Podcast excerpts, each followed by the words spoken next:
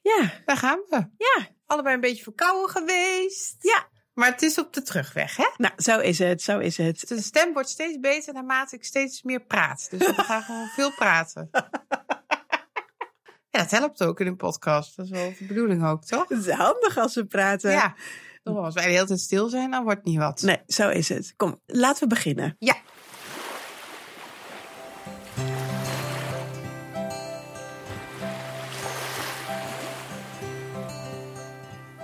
Welkom bij Verloskundig Baken, de podcast die een podium geeft aan innovatie en vernieuwing in de geboortezorg. Wij zijn Mirna Knol. En ik ben Kirsten Schatelier. En vandaag gaan we in onze aflevering samen met David Boorman ons verdiepen in het perspectief van de vader slash partner. Ja.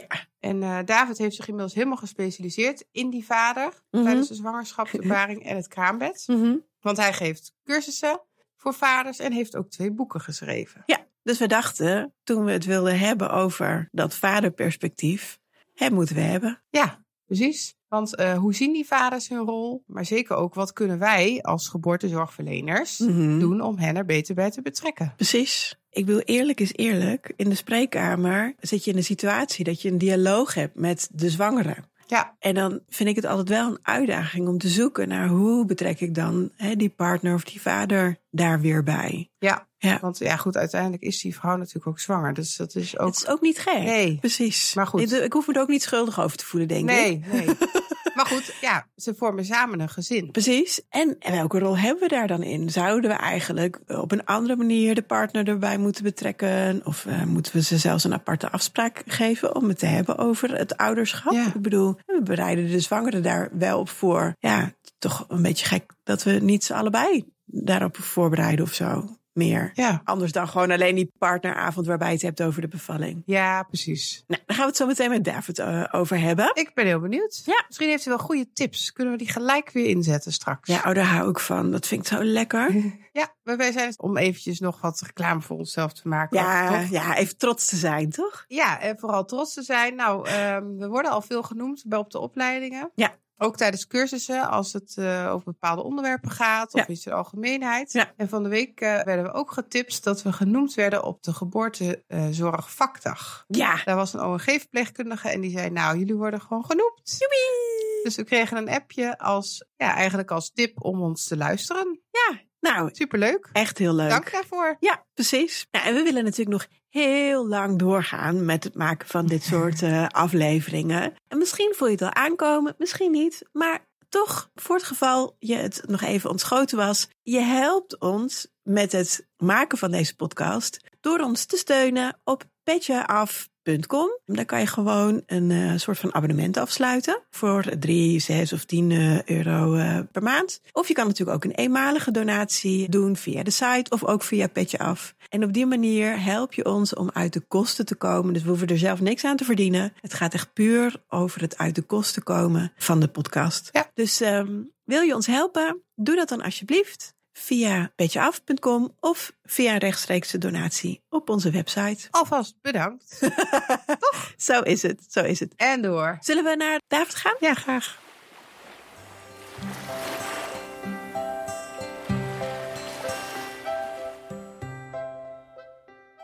Laten we doorgaan naar het onderwerp van deze podcast. Het vaderperspectief. En we hebben daar David voor te gast. Ja. David, welkom. Ja, hi, dankjewel. Wil jij jezelf even voorstellen? Zeker. Mijn naam is David Borman. Ik ben eh, oorspronkelijk verloskundige. Op dit moment niet meer werkzaam eh, praktiserend, maar wel in het verloskundig veld. Mhm. Dus ik eh, ben nog opleider in het UMC Utrecht. Ik eh, zit audits voor en doe in de zijlijn nog het een en ander eh, in de verloskunde. Maar daarnaast geef ik ook cursussen voor eh, aanstaande vaders en voor eh, professionals over het betrekken van vaders. Leuk. Nou, dan hebben we de goede. Jawel, hè? Toch? Ja.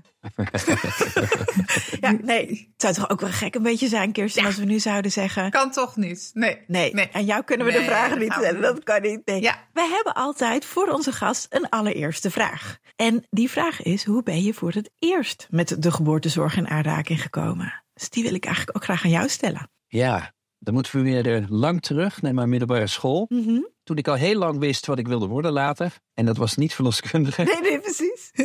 Wat wel? Ik wilde heel graag dierenarts worden. Oh, Dierenarts? Ja, Oké. ja. en ehm, op een gegeven moment werd duidelijk dat ik gemiddeld een 8 op mijn eindlijst moest staan voor het VWO. Uh-oh. Om in de loting terecht te komen. Nou, dat zat er voor mij niet in. Dus ik heb dat idee moeten loslaten. Ja. En ik ben her en der gaan rondkijken. En iedere keer als ik dacht, dat lijkt me wel leuk, dan ging ik met eh, iemand praten uit dat vak. Mhm. En eh, eigenlijk zonder uitzondering na één gesprek dacht ik, ja, het klonk leuk, maar als ik dat nou eh, zo zou moeten doen. Ja. Eh, mijn vader werkte eh, in een ziekenhuis, een kinderziekenhuis, het WKZ, waar ik nu ook werk. Mhm. En werkte daar ook regelmatig met verloskundigen. En die eh, zei op een dag van, joh, heb je daar al eens aan gedacht? Want wat deed je vader? Mijn vader werkte op de cardiologie, die maakte hartecho's en implanteerde pacemakers. En, Oké. eh, ja, bij kinderen dus. Ja. Op de echo kwam hij vaak verloskundigen tegen. En eh, hij eh, maakt ook onderdeel uit van, eh, van het lesgeven daar. Mhm. Op het cardiogebied. Ja, en hij noemde dat. En ik dacht, ja, ik weet het eigenlijk niet zo goed, maar lijkt me wel interessant. Ken je iemand met wie ik kan praten? En hij bracht me in contact met een verloskundige. En dat was een heel leuk gesprek.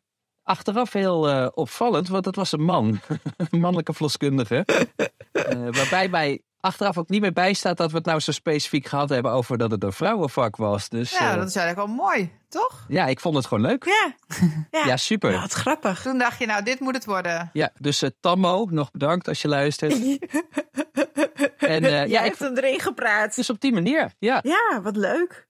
Nooit spijt gehad? Nooit gedacht, oh, had een andere route moeten varen? nee, ik heb wel een keer gedacht van, nou, misschien wil ik wel iets anders doen. Mhm. Dat zal je niet verbazen, dat was rond 2009 toen ik ook stopte met het eh, praktisch werk. Ja. Eerst met het idee van, nou, ik ga echt heel iets anders doen, maar al heel snel bedacht van, ja, het is toch wel zonde dat alle kennis die je hebt, Zeker. dat je die zomaar overboord gooit. Ja. Het kan, als, Ja. als je er niks meer Ja. hebt, maar ik vond het wel leuk. Ja. Ja, dat vind ik zo jammer inderdaad. Als collega's gewoon in zijn algemeenheid in de geboortezorg stoppen. En je hebt er ook zo hard voor gewerkt. Ik had inmiddels tien Ja, jaar eh, ja. werkervaring. Nou, dat is echt wel wat waard, Ja. ook in andere dingen. Ja. En eh, inmiddels, als, als opleider pas ik het natuurlijk nog toe. Maar naast mijn werkzaamheden in het verloskundig veld ben ik ook nog eh, CRM-trainer. Oh ja. Dus ik geef ook veel trainingen over hoe je met elkaar eh, communiceert in spoedsituaties. Ja. Ook daar helpt de ervaring mij enorm. ja, precies. Leuk. En dus ook, nou ja, gericht op. Ben- Ben je zelf vader? Oh, dat is wel een goede vraag, Mirna. Ja, ik ben vader van twee dochters. Oké, ja, precies. Leuke toevoeging. Ja,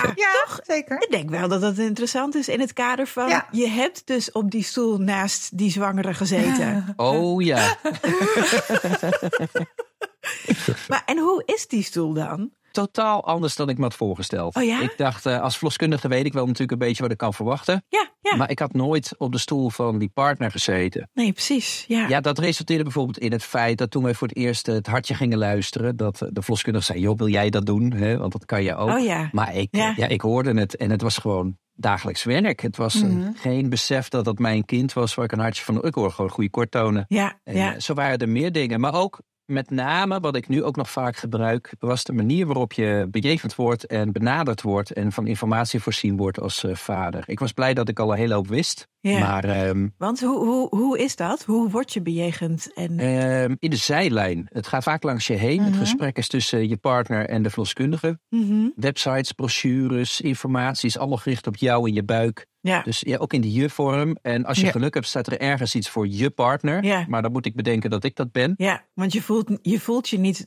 de partner. Nee, ik word vader, ik krijg ook een kind. Ik baar het niet, ik ben niet zwanger, ik ben Ja. hoogstens in verwachting. Ja, Ja, ik verwacht wel een verandering in mijn leven. En eh, Ja. maak me ook weer mijn eigen zorgen over mijn partner, misschien over mijn kind. Ja. ja precies. Wat daar inge- ingewikkeld is, heel veel voorlichtingsmateriaal op gewoon een website of noem maar op, wordt natuurlijk geschreven voor de zwangere, omdat je per definitie een zwangere hebt, soms ook zonder partner. En je hebt nooit een partner alleen, om maar even zo te zeggen. Ja, dat klopt. Dat klopt. Gelukkig zijn de zwangeren zonder partner toch wat minder dan de zwangeren met een partner. Eh, Ja, En ik denk als we ons met z'n allen bewust worden van de toegevoegde waarde van een betrokken partner, ja. dat we eigenlijk uit onszelf wel willen gaan investeren daarin. Maar hoe zou je dat dan moeten doen? ja, dat was een goede vraag. Nou, dat zou bijvoorbeeld eh, in taal kunnen. Een website die niet alleen voor jou en je buik is. En we gaan jouw bloeddruk meten. Ja. Hè? Maar misschien dat je het wil hebben over jullie. Of misschien jou, maar dan niet specificeren. Of misschien een apart stukje. Maar dan voelt de alleenstaande vrouw zich misschien juist Ja, Zeker. Maar hè, je kan ook een aparte pagina voor de partner erop doen. Mhm. Ja, dat is ook wel een goede. Ja hoor, zeker. En ook met specifieke informatie voor hem. Of, Ja. hè, want ik zeg nu hem en ik noem iedere keer vaders. Dat is omdat de g- grootste groep toch mannelijke partners zijn van eh, moeders of zwangeren. Ja. Maar we hebben natuurlijk ook andere partners, als die er wel zijn. En eh, ja, dat kan een niet-biologische vader Mhm. zijn. Dat kan iemand zijn die zich anders identificeert qua gender. Ja. Dat kan een andere betrokken partner zijn van een ander geslacht. En hoewel ik vader zeg, wil ik altijd wel benadrukken dat ik iedereen bedoel daarmee. Ja, ja, Eh, waarbij ik wel aanteken dat de mannelijke partners vaak net iets meer de boot missen dan vrouwelijke partners. oh ja. Hoe dan? Want wa- waarom? Nou, ehm, als je kijkt hoe wij in dit gezelschap zitten, en dat is helemaal als ik wat meer mensen uit eh, de verloskundige zorg tref, dat zijn doorgaans vrouwen. En Ja. dat geldt voor alle professionals in dit gebied. Ja. En dat gaat over leerkrachten, dat gaat over consultatiebureaus. Ja. Ja, de meeste partners van zwangeren, als die in beeld zijn, zijn mannen, of in ieder geval mensen die zich identificeren als man. Ja. En daar zit vaak toch een verschil in communicatie en eh, manieren van invullen of drempels die we voelen naar elkaar. En daar speel ik Ah. bijvoorbeeld ook mee in scholingen die ik geef over het betrekken van vaders. Oké. Wat weet jij, eh, wa- wat wij als zorgverlener, ja, je noemde al bejegening, eh websites. Maar als we even heel, heel specifiek naar de spreekkamer gaan, of nou ja, wij hadden al in de voorbespreking meer dan ik het ook al even uit het ophalen van de wachtkamer. Nou, dat soort dingen. Exact. Ja, ik weet van mezelf dat ik eh, bijvoorbeeld zei, eh, nou Evelien Jansen en meneer Jansen. Maar meneer Jansen was helemaal niet meneer Jansen, dat was meneer de Vries, want die had een andere naam. Die hoorde wel bij Evelien Jansen. Maar hè, komen jullie verder, kan je zeggen bijvoorbeeld. Dan is het, eh, hoe zit je in die spreekkamer? Ja. Eh, en nog te vaak hoor ik eh, verhalen van aanstaande vaders dat ze ja, toch wat op een, op een zijlijn zitten of half achter een computerscherm. Op een krukje Of een erbij. krukje erbij, nog erger. En dan dat het gesprek zeg maar rechtdoor tussen zwangeren en, eh en, en verloskundigen gaat. En ergens Oh ja? op zij Oké. ja, wordt er ook wel eens gekeken of wordt er ook een vraag gesteld. Ja. Weet je wat ik altijd zo ingewikkeld vind? Want dan denk ik meteen terug aan mijn spreekuur afgelopen week. En dan, eh, dan zit ik dus een, eh, gesprek, een counselingsgesprek te voeren voor prenatale screening. Dan voer ik dat gesprek en dan zegt hij wat jij wil. Ja. En dan denk ik, ja, hallo. En zij heeft zich dan wel ingelezen en hij niet echt. En dan zeg ik, joh, zal ik toch nog even toelichting geven? Want dan ben je ook, hè, dan ben je ook op de hoogte en dan kunnen jullie samen daar een beslissing over maken. En dan zegt hij, ja, ik volg jou. Heel duidelijk voorbeeld, denk ik, wat ik ook herken. Ik heb de training gegeven, prenatale counseling, eh, twee jaar lang voor Hogeschool Zuid. Ja, Ook veel verloskundigen daarin eh, aangetroffen natuurlijk. Oh ja. En eh, vaker met deze situatie te maken gehad. Er zitten een paar kanten aan. Ik denk dat de reactie van die meneer is al een gevolg van alles wat daarvoor gebeurd is. Dus hij voelt zich al meer aan de zijlijn staan. En niemand heeft hem gezegd dat hij een van de twee ouders is die mee mag beslissen en misschien moet beslissen. Hmm, Oké. dat zeg ik dus dan. Ja, mijn reactie is dan, het is ook jouw kind. Dus ik denk dat dit wel een samenbeslissing is. Exact, maar je zou bijvoorbeeld ook kunnen kijken naar hoe eh, verstrek je de informatie. Ik Ja. weet uit die eh, twee jaar dat ik die scholing heb gegeven dat eh, bijna zonder uitzondering de informatie naar de zwangere wordt gestuurd. Mhm. En dat we dan hopen dat dat op miraculeuze wijze ongefilterd bij die meneer terechtkomt. Oké. Die dan heel veel interesse heeft, Ja, eh, Ja. hoewel het niet naar hem gestuurd is. En ook het belang beseft, Ja. terwijl die niemand daarover gesproken heeft. Eh, Want soms wordt het al bij de kennismakingstelefoontje wordt het al, al gemaild. Ja, Dan is dat gedrag wat je ziet in de spreekkamer al een gevolg van wat er daarvoor gebeurd is. ja, En dan heb ik het nog niet over hoe we aankijken tegen ja. eh, de moeder als verzorger en eh, de vader als kostwinner en dat soort dingen.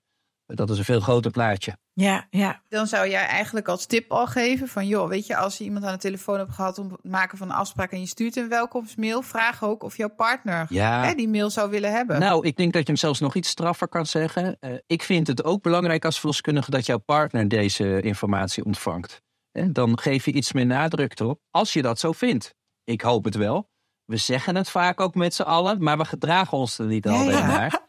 Ehm, en want ik hoor ook nog wel, ja weet je, uiteindelijk heb ik een zorgovereenkomst met haar, niet Ja. met die partner. ja. Nou ja, daar hadden we het ook over. Ja. Want je vraagt natuurlijk om iemands legitimatiebewijs. En ja, dan vraagt de partner, moet je die van mij ook zien? En dan voel ik me dus altijd knijterlullig als ik moet zeggen... ja, sorry, maar de zorgverzekeraar wil dat ik alleen die check Ja. van, van de zwangere. Ja. Dat is dan mijn antwoord. Ik bedoel, ik wil er best naar kijken, zeg ik dan nog wel eens meer gekscherend met een dikke glimlach. Maar het is natuurlijk niet hetzelfde als zijn... eh, Nee, je kan wel zeggen van, nou voor de regeltjes heb ik dit helemaal niet nodig. Voor de andere dingen vind ik jou wel heel belangrijk. ja, kijk, dat is ook een nuanceverschil. Precies, op die manier probeer ik inderdaad toch. En maar ik, ik snap wel dat als hij al die informatie niet gekregen heeft over de Ja, prenatale ja, diagnostiek. precies, precies. Hij heeft een website gelezen waar alleen iets staat over jij en je buik. Ja, En dan hoeft hij ook, mag hij ook nog eens niet zijn legitimatiebewijs laten zien. ja.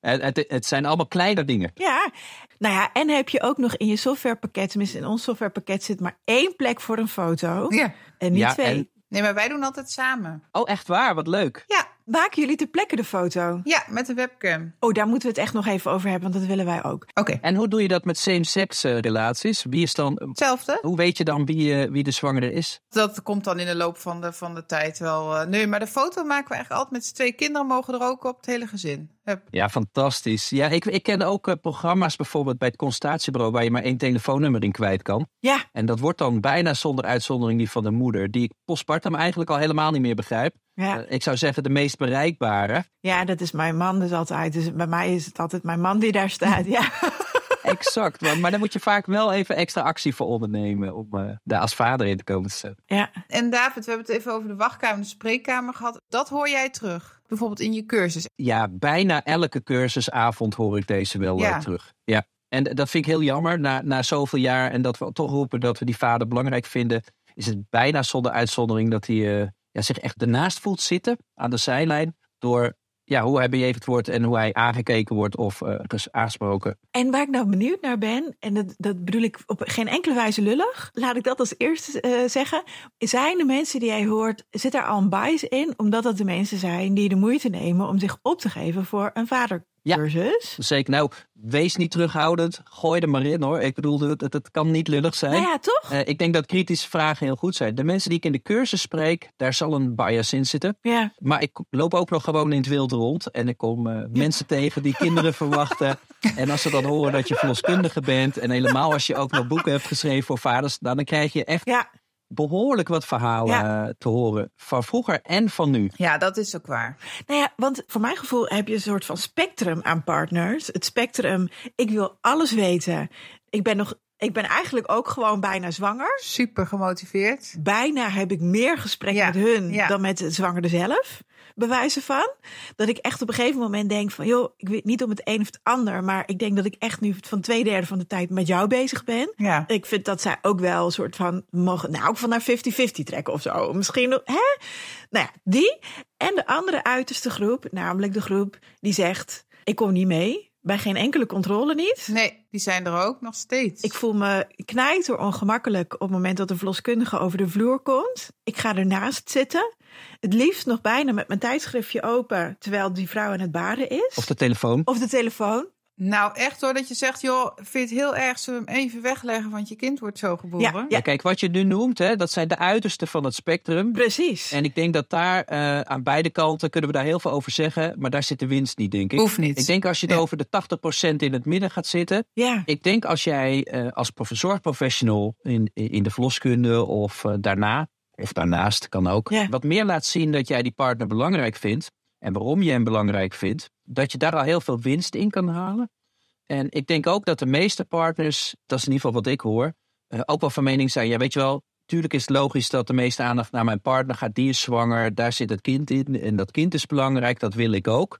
Maar ik denk dat als we ons bewust zijn van de meerwaarde van een betrokken partner, zowel voor de gezondheid van die zwangere als voor het kind, als voor het nest waar dat kind in terecht komt, Mhm. als voor die partner zelf, eh, dan denk ik dat we de bakens iets kunnen verbreden, zeg maar. Ja. Of zouden we eigenlijk niet, want hè, die mediaan die ligt denk ik iets dichter bij de relatief betrokken partner, denk ik. Ik denk dat de, hè, de, de, de telefoonlezende partner naast de baring iets meer de, de uitzondering is. Gelukkig. En hebben wij als geboortezorgverleners niet ook een beetje de maatschappelijke plicht misschien zelfs...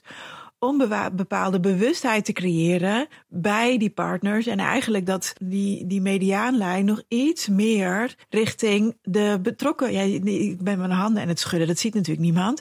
Iets meer richting de betrokkenheid. Juist om, om het belang daarvan ook. Voor dat nest, voor later, voor de stabiliteit... voor het feit dat je eh, als kind dan twee zorgende ouders hebt en niet één. Exact. Nou, ik denk dat je daar een heel goed punt benoemt. Eh, ik denk dat de verloskundige daar ehm, ja, heel belangrijk, zo niet misschien wel de belangrijkste in is. Omdat eh, we weten uit onderzoek ook, en ik moet ook zeggen mijn ervaring, dat veel partners van zwangeren pas open gaan staan over wat de komst van een kind voor hunzelf betekent, ergens op de tweede helft van die zwangerschap. Ja. Dan gaat het window open en ineens gaan ze bedenken wat betekent het voor mij buiten het feit Ja. wat gaat het kosten of wat moet ik verbouwen. En hoe moet ik in vredesnaam die bevalling doorstaan? Want ze gaat zoveel pijn hebben. Exact, want soms kijken ze ook niet verder dan dat. Ja, En dat komt vaak als ze het gaan voelen. Hè? Ik merk dan als die vaders ineens die kindsbewegingen voelen, dan Ja. zie je soms ineens dat je denkt, oh, Nu Voelen wordt het en de echt. 20 weken echo doet er ook veel in. Ja. En eh, misschien gaan we het nu wel zien verschuiven hoor, met de 13 weken echo, Ja. dat zou oh kunnen. ja, interessante vraag. Maar dit window dat gaat daar voor het eerst open. Ja. Ja, als verloskundige zie je bijna alle partners wel. Er is er bijna geen één die je nooit ziet. Ja. Het moeilijke is alleen wel, als wij dat willen doen als verloskundigen, dan moeten we onszelf ook al bewust zijn van die meerwaarde. En vaak kunnen we wel zeggen dat, het, dat we het zien, Ja. maar we kunnen hem niet invullen. ja, maar je moet het voelen. We hebben het ook niet op de opleiding geleerd, Nee. want er zit 0, niks in opleidingen in Nederland, behalve de verloskundeopleiding in Maastricht, waar iets over partners gezegd wordt. Oké. Er wordt wel gezegd, ja, we nemen dat overal in mee en we noemen dat. Maar iets specifieks wat er nou anders Ja. is aan die mannelijke partner bijvoorbeeld, wordt niet behandeld. Op nogmaals Maastricht na. Ja, En dus we hebben vaak ook niet de munitie om mee te schieten. nee, precies. Er is een, ja, dat is een beetje een gek voorbeeld, maar er is een programma geweest, ik weet nou even niet meer hoe het heet, en dat ging over de, eh, wat er gebeurt bij, bij moeders in het brein, hè, als ze moeder worden. Ja, het moederbrein, die documentaire. Echt fascinerend. Super interessant. Maar wat er dus gebeurt bij vaders in het brein. Ja, Exact. mannen veranderen hormonaal ook hè, in de zwangerschap. exact. Echt, hè? Te grappig. Alleen dat wist ik niet. Ik heb een televisieprogramma moeten kijken en toen dacht ik ineens, nou, dit is gewoon, dit moet iedereen weten. Ja. En dan ben je al zoveel jaar verloskundige. Dit is je vak. ja, ja, ja, Ja. Ik vertel het mannen dus ook regelmatig. Ja, ik Dan ook. zeg ik, ja, maar jij verandert ook. Dus jij mag ook die zwangerschapsdementie gebruiken als excuus om dingen niet meer te weten. Ik bedoel, we doen het natuurlijk wel met een knipoog. Maar het Nee, is dat is, maar dat is ook leuk. Nou, eh, kijk, dat is één ding. Hè. Het is, Ja. Ten eerste weten we het pas kort, omdat we eh, na, weet ik veel, 50 jaar gedegen onderzoek bij moeders ineens gaan denken: oh, hoe zit dat eigenlijk bij mannen? We hebben pas heel recent een aantal Nederlandse onderzoeken Ja, hierover. ja, hè? ja. Vaders in beeld uit Leiden en Amsterdam. ja, Waarbij we weten over hormonale veranderingen, maar ook veranderingen in het brein. Vaak als dit genoemd wordt, en met name die hormonen bijvoorbeeld, dan wordt het toch weer doorgetrokken naar de, naar de zwangerschap. Hè? Jij zegt al met Mhm. die knipoog die zwangerschapsdementie. Er wordt vaak eh, het Covares-syndroom genoemd, Ja. hè, waarbij dan een man eh, zwangerschapsverschijnselen zou gaan vertonen. Wat wel bestaat, maar super zeldzaam is. ja. Maar er zijn weer eigen veranderingen in dat, in dat brein en in, Precies. die, in het lichaam van die man. En het is leuk als we dat zouden weten. Dat je zegt, ja, Precies. ja, je wordt ook meer eh, zachter en mellow. Ja. Je testosteron daalt al. Rond de twintigste week van de zwangerschap begint dat al. En is op een all-time low zo na de bevalling. Ja. Eh, maar je, je oxytocine, dat stijgt weer. Je wordt meer zorgend en beschermend naar je eigen clan bijvoorbeeld. Ja, maar dat is toch iets wat, wat we allemaal zouden moeten vertellen aan die vaders. Hè? Ja, Want ik joh. denk dat ze dat ook ja, daardoor ook zich gehoord voelen, maar ook ineens denken van, oh, dus het is niet gek dat ik wat minder zin heb om te vrijen na twintig weken. Exact. Terwijl als je de meeste boeken openslaat, staat er alleen maar van... nee, maar de vrouw in het tweede trimester heeft meer zin. Ja. Nou, dat is ook niet altijd zo. Ja, En misschien vind je het als man wel doodeng om daar in de buurt te komen. ja dat bedoel ik. Hey, en dan hebben we het nu ja, alleen nog maar over zwangerschap en, en, en Ja, ja, ja, we moeten wel even door naar de bevalling. Want ja, ik bedoel, die bevalling. ik ben altijd gefascineerd over vrouwen die dan zeggen, bij mij in de centering, ja, ik wil niet dat hij daar naar beneden kijkt hoor. Want dan gaat het gewoon heel zijn beeld verpesten. En dan is daarna onze seksuele relatie gewoon naar zijn grootje. Ja, gelukkig weten we al uit onderzoek dat dat niet zo is. Nou, We weten hier. dat eh, mannen die bij de bevalling aanwezig zijn en ook meekijken, dat dat eh, in ieder geval geen, eh, op langere termijn geen slechte invloed heeft op de, op de seksuele relatie. Misschien in de eerste weken dat het beeld nog een beetje kan bestaan, maar dan Ja, ja. is de hitte toch al niet zo eh, groot meestal. Ehm, we weten wel dat mannen die eh, aanwezig zijn bij de bevalling en daar ook een, een goede rol hebben kunnen spelen, eh, voor hun partner met name, waarbij beide partners het gevoel hebben dat ze het samen hebben gedaan, dat versterkt de relatie, inclusief Ja. de seksuele relatie. Kijk. Maar ja, helaas, ook daar weer kom je in tv-programma's of eh, boeken vaak niet verder dan, eh, dan flauwe grappen over, ja, het was alsof je het eh, favoriete café zag afbranden of dat soort eh, flauwe ja, dingen. Ja, Hè? ja, Ja. ja, Dat is een hele Ja. flauwe zeg. Ja. ja. Ja, ja, eh, Oei. ja. Maar wel eentje die ik ook wel eens hoor, ja. Echt waar? die hoor ik eh, regelmatig. Ja, Oh, die heb ik nog Ja. nooit gehoord. Ja. Die was voor mij nieuw, gelukkig. ja vreselijk. Nou, hou het zo. ja. Oké. Maar we kunnen natuurlijk ook wel stellen dat dat we natuurlijk heel veel aandacht hebben nu ook steeds meer gelukkig echt volledig terecht voor een trauma wat een zwangere zou kunnen oplopen in de, hè, tijdens de zwangerschap, maar Ja. zeker vooral ook bij de bevalling met het effect op hechting en eh, later. Nou ben ik zelf altijd ook heel alert op de mannen, zeker als ik het gevoel heb tijdens zo'n bevalling van hmm, eh, dit komt hem toch volgens mij iets rauwer op zijn dak dan dat hij had bedacht. Ja, ja. Dan kun je zeggen, ja, qua voorbereiding zit daar misschien een stukje. Maar wat als dat trauma er is? Is dat ook iets waarvan je merkt dat dat steeds meer eh, er mag zijn? Trauma bij vader na bevalling of zwangerschap? Ja, het zit nog iets meer in de taboehoek dan bij moeders. Mhm. Maar je hoort het wel steeds meer. Ik denk dat je terecht zegt, we kunnen al een hoop leed voorkomen als we een goede voorbereiding bieden. Mhm. ja. En realistische verwachtingen, dat we kunnen uitleggen wat zijn taken zouden kunnen zijn bijvoorbeeld. Ja. Eh, Een beetje clichématig,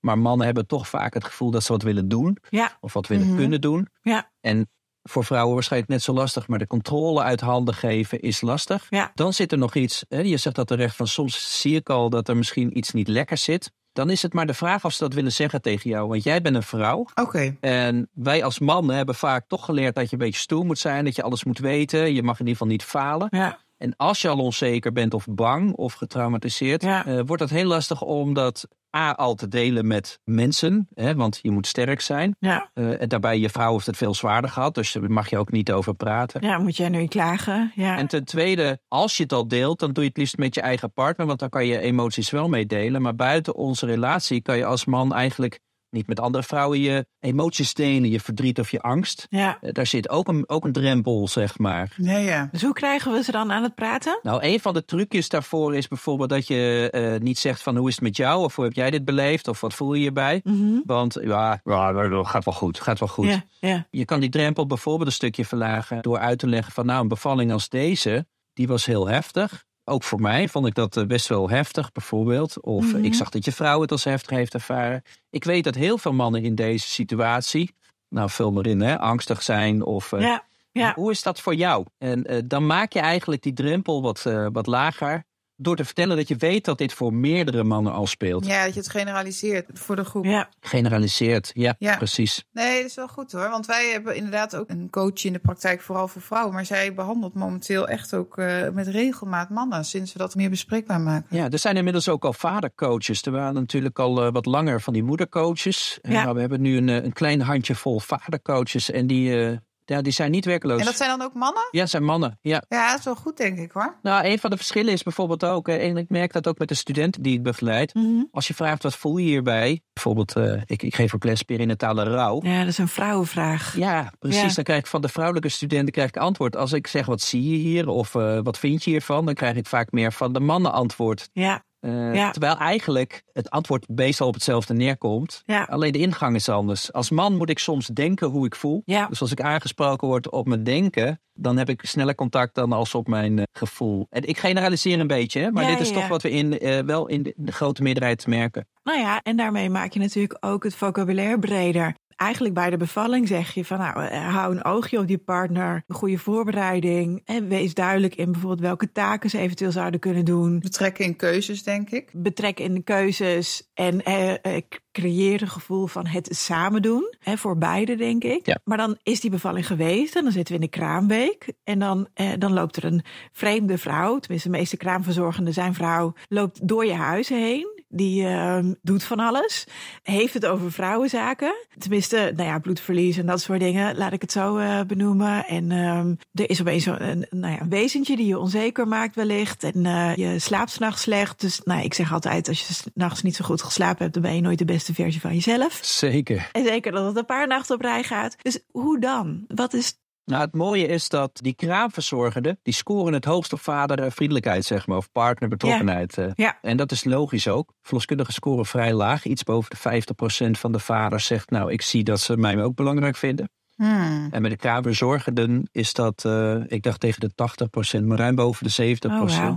En in het ziekenhuis is daar ook wat van bekend? Ja, Als ze dan toch alle cijfers even op tafel gooien. ja, verpleegkundigen scoren ook vrij hoog. Mhm. Maar je kan het eigenlijk wel afleiden uit het feit dat je als verloskundige, net als gynaecoloog of als constatiebureauarts, heb je veel kortere momenten met mensen. Ja. Terwijl bijvoorbeeld een kraamverzorgende zit echt embedded in dat gezin. Die, die, die brengt Ja, een aantal ja. dagen daardoor. Ja. Waarbij de vrouw die net bevallen is vaak nog ja, eh, op bed ligt of in ieder geval veel ontrust is, gewoon fysiek uitgeput. Mhm. En dus juist die partner degene is die heel makkelijk betrokken kan worden bij het eerste badje, bij het aankleden. Precies. En het vaak ook het meest nodig heeft. Wat te doen, eindelijk. Ja, want dit, dit, dit- veel mannen zijn natuurlijk bang, knijp ik het niet eh, te hard of laat ik het niet vallen of dat soort Ja, dingen. ja, precies. Hebben nog nooit misschien een luier van dichtbij gezien. En eh, ja, daar begint het. Ja. En we hebben natuurlijk een super gave titel, hè?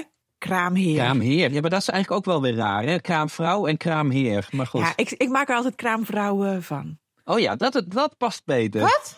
Wat maak jij ervan? Kraamvrouwen. Heel mooi. De heren en de vrouwen. Ja, de heren en vrouwen. Oké.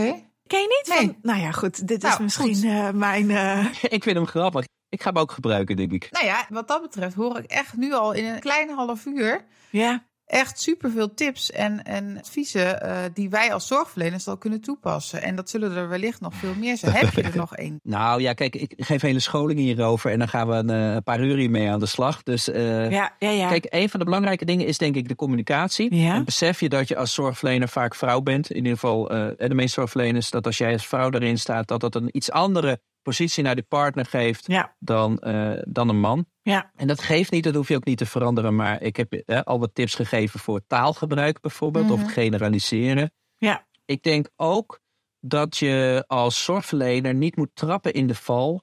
Dat je denkt dat je eh, mannen makkelijker bereikt als je een beetje over, eh, nou ja, ik zeg maar, bier- en bitterballenfeestje gaat geven. Ja. Ehm, ik werd laatst weer getipt dat er eh, ergens in het land ook een cursus is bedacht voor, eh, voor partners. En dat heet ook echt eh, eh, een bier- en bitterballenavond of zo. En dan konden ze bier proeven. En in anderhalf uur krijgen ze dan alle voorlichting die ze nodig zouden hebben. Maar proeven ook nog bier en eten ook nog bitterballen. Ja. Dan denk ik, ja, dan ga je eigenlijk vanuit je eigen clichématig denken en hokjes eh, denken, ga je al iets opzetten. Je zal wat mannen bereiken, zeker. Ja. Ja, misschien zitten die ook wel een beetje aan het uiterste van het spectrum. Ja, ja. Dus trap daar niet in. Nee, precies. Maar, en hoe bereik je ze dan wel? Kijk, waar mannen behoefte aan hebben, wat ze aangeven, dat er is in onderzoek gebleken. Die weten van het gaat voornamelijk om mijn vrouw, het gaat misschien wel voornamelijk om dat kind.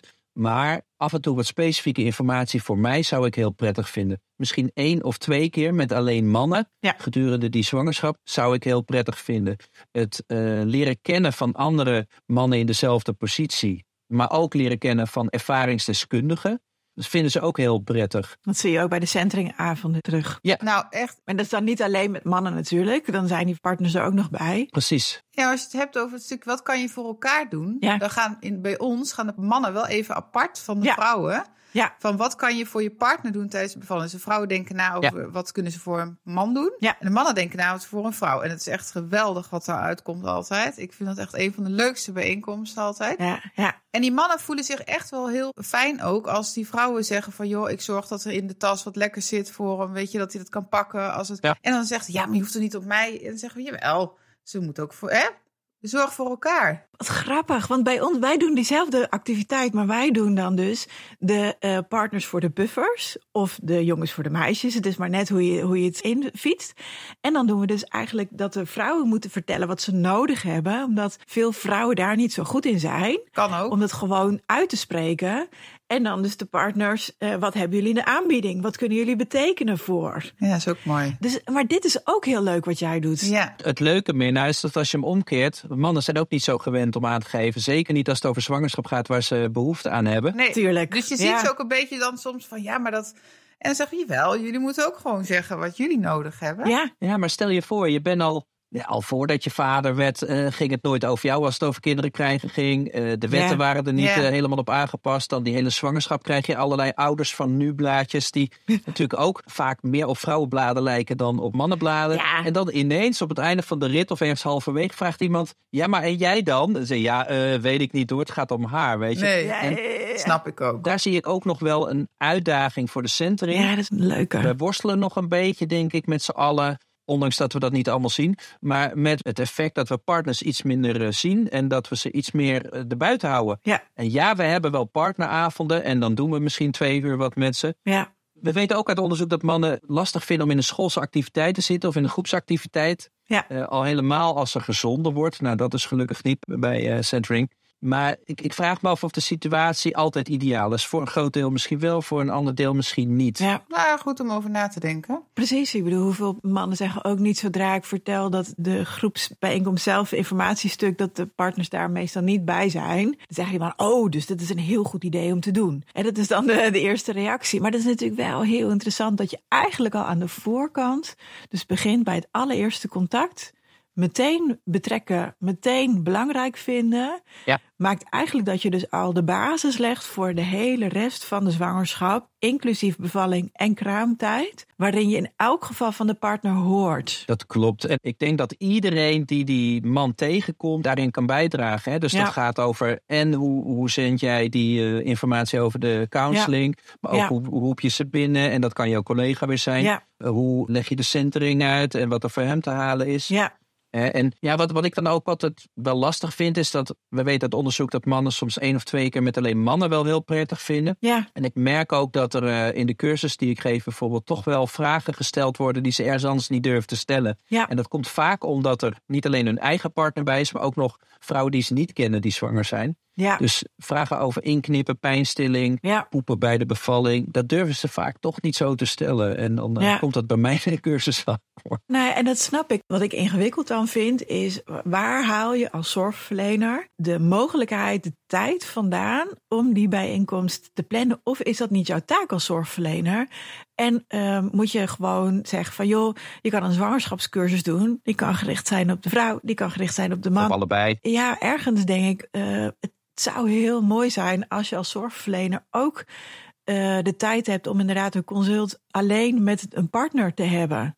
Nou, kijk, weet je, ik denk dat wij als verloskundigen daar prima in kunnen voorzien. Wij hebben de tools, we hebben de kennis, Ja. maar geen tijd is geen geld. Ja, En eh, zolang de verzekeraar nog zegt dat het krijgen van een kind gelijk is aan het baren van een kind, ja, eh, zal daar nog weinig verandering in komen. Zolang er nog cursussen, zwangerschapscursussen vergoed worden die door Truus en alle vrouwen gegeven kan worden, omdat ze zelf ook twee keer bevallen zijn en eh, toevallig heel Ja. goed zijn in nou ja, yoga of, of noem het maar. En een cursus die ik geef, ja, dat is natuurlijk ook persoonlijk jaloezie, dat zal ik erbij zeggen, maar een cursus die ik geef niet vergoed wordt. Hè, eh, waarbij, Duidelijk. waarbij ik altijd zeg, volgens mij kan ik wel iets vertellen over die bevalling, Ja, en terecht. ik vertel niks over de forward facing doork of hoe dat allemaal heet. En ik zou het fijn vinden als de yoga juf iets vertelt over yoga en de bevalling aan een verloskundige overlaat. ja. en de gemeente? Is het de zorgverzekeraar of is het de gemeente? Ja, dat- dit is de hamvraag, denk ik. Ja, men speelt, dat is natuurlijk bij de centering ook zo. Men speelt elkaar de, de, De de, bal toe. bal toe. En niemand neemt hem op tot nu toe. Ehm, Mhm. Ik ben daar op een ander vlak wel heel hard aan bezig om daar eh, eens een keer een doorbraak in te forceren. Nou ja, een voorbeeld. t- Ruim twee jaar geleden werd ik door een verloskundige praktijk gevraagd van... kan jij niet een module bedenken? Wij zijn niet helemaal tevreden over die partnermodules van Centering. Kan jij iets bedenken? Ja. dat wil ik wel doen, maar ik, ik kan niet van de wind leven. Dus ik kom dit niet voor niks doen. Nee, Maar precies. zij hadden toevallig een subsidiepot van de gemeente. Ja. En die konden akkoord gaan. Ja. Daar kon ik een paar avonden voor komen. De- Ja. Tot grote tevredenheid. Toevallig was eh, de zoon van een van die verloskundigen was een partner die daar zat. Oh Dus ja, oh, lachen. eh, de- zij had gelijk inside information. Dat was heel leuk. Leuk. Eh, maar goed, toen was het potje op. Ja. En dan houdt het op. Ja, Want ik weet ook, in het beginsel toen de partnermodules ontworpen werden, was ik daar ook nog even bij betrokken. En werd er gesproken over dat het de voorkeur zou hebben om een, een vadertrainer of een vadercoach eh, bij die eh, partneravonden te betrekken. ja, Maar ja, dan kom je heel snel op de vraag wie betaalt dat? Ja. eigenlijk is het onderdeel van kansrijke start. ja, zeker. En er wordt natuurlijk heel erg gezoomd in op bij kansrijke start op het stuk tiener, eh, kwetsbaar, noem maar op. Maar is eigenlijk niet het overgrotende deel van de gezinnen. Ja, toch een, een. Iedereen is kwetsbaar of niet kwetsbaar iemand. Het is maar net even hoe je ernaar kijkt. En versterk je niet gewoon een heleboel gezinnen door, in elk geval voor beide partners, ja, dat, dat, dat startpunt meer gelijk te trekken op een bepaalde manier. Ja. Ja, daar, eh, daar heb je een heel belangrijk punt, denk ik. Want volgens mij wordt er bij kansrijke start helemaal niet. Hè, er wordt gekeken naar nu niet zwanger. En er wordt gekeken naar Zeker. voorzorg. En er wordt gekeken naar het eerder betrekken van het consultatiebureau. Ja, uiteindelijk gaat het erom, denk ik, dat het nest goed is Ja. waar het kind belandt. Ja, Tessa Rozenboom, hè, de schrijfster van de eerste duizend dagen, professor Rozenboom, die zei al van eh, doordat mannen in wetenschap en in de maatschappij ja, gewoon niet gezien worden en ook het belang daarvan niet, Ja. missen we gewoon de helft van de kansen voor de kinderen. Ja. En ik ben dus ook bezig om die partnerkant meer in de kansrijke start te krijgen. Het was zelfs de aanleiding toen ik kansrijke starters echt ging bestuderen om mijn tweede boek te schrijven. Oké, Je eerste duizend vaderdagen. ja. En daar ga ik ook nog een beetje in op hoe wij beleidsmatig eigenlijk ook consequent die vaders over het hoofd zien. ja. Eh, terwijl we wel blijven praten over ouders. En het gezin. Ja. En ja. het gezin. Ja. Precies. Ik heb, ik heb vorig jaar om deze tijd alle initiatieven die op de website van Kansrijke Start stonden, is onder de loep genomen. Hè. Waar richten ze zich nou op? Mhm. Nou, dan heb je, ik weet het niet meer precies uit mijn hoofd, 40% richt zich dan op ouders. Maar als je die projecten gaat bekijken, daar staat bijvoorbeeld een, eh, een cursus babymassage die de binding tussen moeder en kind versterkt. Ja. Ja, dat is niet voor ouders. Ik voel mij als man niet aangesproken. Nee, snap ik. Er waren twee projecten die zich op mannen richtten. Waarvan er eentje ging over mannen die ooit een geweldsveroordeling hadden gehad. Oké, En eentje over eh, jonge jongens die moesten leren dat nee nee is. Wat heel goed is, maar op 100 projecten een beetje weinig. ja. nee, we hopen ook niet het overgrote deel. Nee, eh, va- nee, nee. Nee, precies. Nou, dus er is eigenlijk nog heel veel winst te halen op heel veel vlakken. Heel veel vlakken. Ja, heel veel vlakken. Klopt. Ja, jammer dat het zo nog moet, maar ik zie dan ook altijd wel weer de kansen. Ja. Dat ik denk van, hé, we bespreken het nu. Eh, jij bent daarin ook eh, echt een karttrekker. Ja, we kunnen het alleen maar beter maken, met z'n allen. Nou, dat denk ik ook. En ik hoop wat dat betreft deze aflevering ehm, iedereen weer inspireert. Ja, dat hoop ik Dat is ook. natuurlijk ons doel dan weer als verloskundig Mhm. baken. Hè, iedereen inspireert en tot nadenken zet. En even een stukje zelfreflectie, wat doe ik? Maar misschien ook ehm, hè, als je nou een beleidsmedewerker bent bij de gemeente. Precies. eh, met kansrijke start bezig of bij de zorgverzekeraar en denkt, hmm, ja, is onderdeel van gezondheid niet ook een gezond gezin?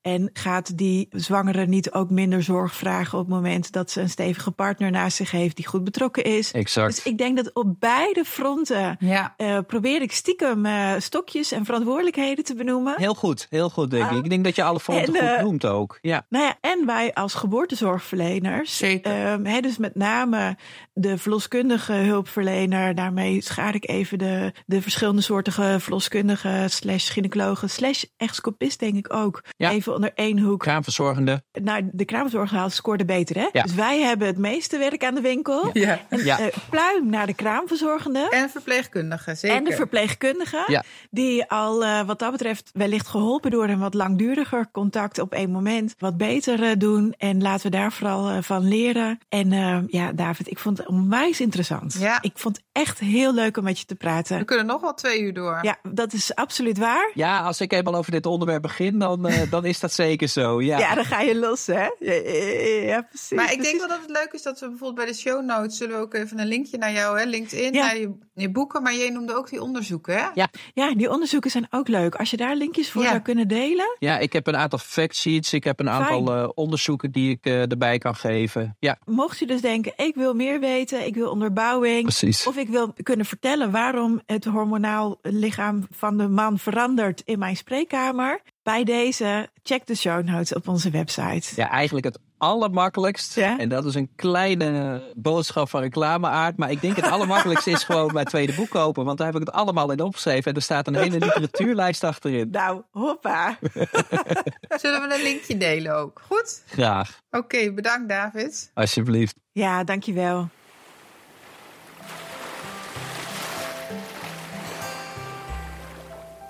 Nou, veel info. Ja, lekker praktisch. Ja, heel goed. Ik bedoel, ik, die kan ik wel mee aan de slag of zo. Ja, morgen al bij wijze van spreken. Hè? Ja, ja. En ik denk ook dat het goed is dat we gewoon echt dus de verschillen ook besproken hebben samen. Van ja, Ja. wat maakt nou dat het toch anders is en dat we echt als zorgverleners dat ook anders moeten benaderen. Nou ja, en eigenlijk begint dus de bal bij ons. Ja, Qua hè, mail en de eerste Ja. contact. ehm, die voel ik ook wel hoor. Ik dacht ook gelijk, oh ja. Ja. Ja, Ik heb geen idee wat er bovenaan de mail staat. Of beide genoemd worden, zeg maar. Of dat alleen de vrouw genoemd wordt. nee, dat is echt eh ja, aandachtspuntje. Gelijk. Ja, soms wordt er wel eens gezegd van nou, de partner telt zich niet zo betrokken op. Maar ja, als wij al beginnen met de partner niet te betrekken, Nee. ja, dan nodigen we ook niet echt uit tot een betrokken Nee. partner, zeg maar. En dat is natuurlijk ook wat hij zei. Van ja, weet je, het begint al met de eerste kleine dingetjes, waardoor ze zich al Ja, een beetje afscheiden, hè? Ja. Oké. Dus ja, we hebben een heel mooie, mooie podcast gemaakt, denk ik, samen. ja zeker. Hartstikke leuk. Wij hopen dat jullie er allemaal leuk naar geluisterd hebben. Ja, weer onze vijftigste aflevering. Ja, precies. Bizar hè? 50 afleveringen, Kirsten Man. Ja, echt hè? Het gaat hard. Ja, En eh, ik, kan, ik kan me nog niet zo voorstellen dat er al 50 zijn. nee, ik ook niet. Maar goed, ja, Nee. het is het. Nee. We hebben geteld. Het is gewoon. eh, Het is gewoon een hele database aan informatie bij ons op de site of bij Spotify. ja, precies. Ja, Ja, Joost, onze technische ondersteuning, editing, vormgever, et cetera, die eh, heeft ons daar natuurlijk onwijs bij geholpen. Ja. Maar ook onze klankbordgroep Kaarika van Hemert, Jolanda Liebrechts, Marlou Dankers, Esther Feijer de Jong, Rachel Rijntjes, Manon Vriezen en Suzanne Uiterwaal. Ja. Dank jullie wel. nou, we gaan gewoon door naar nummer 51. Tenminste, Zo is Toch? het.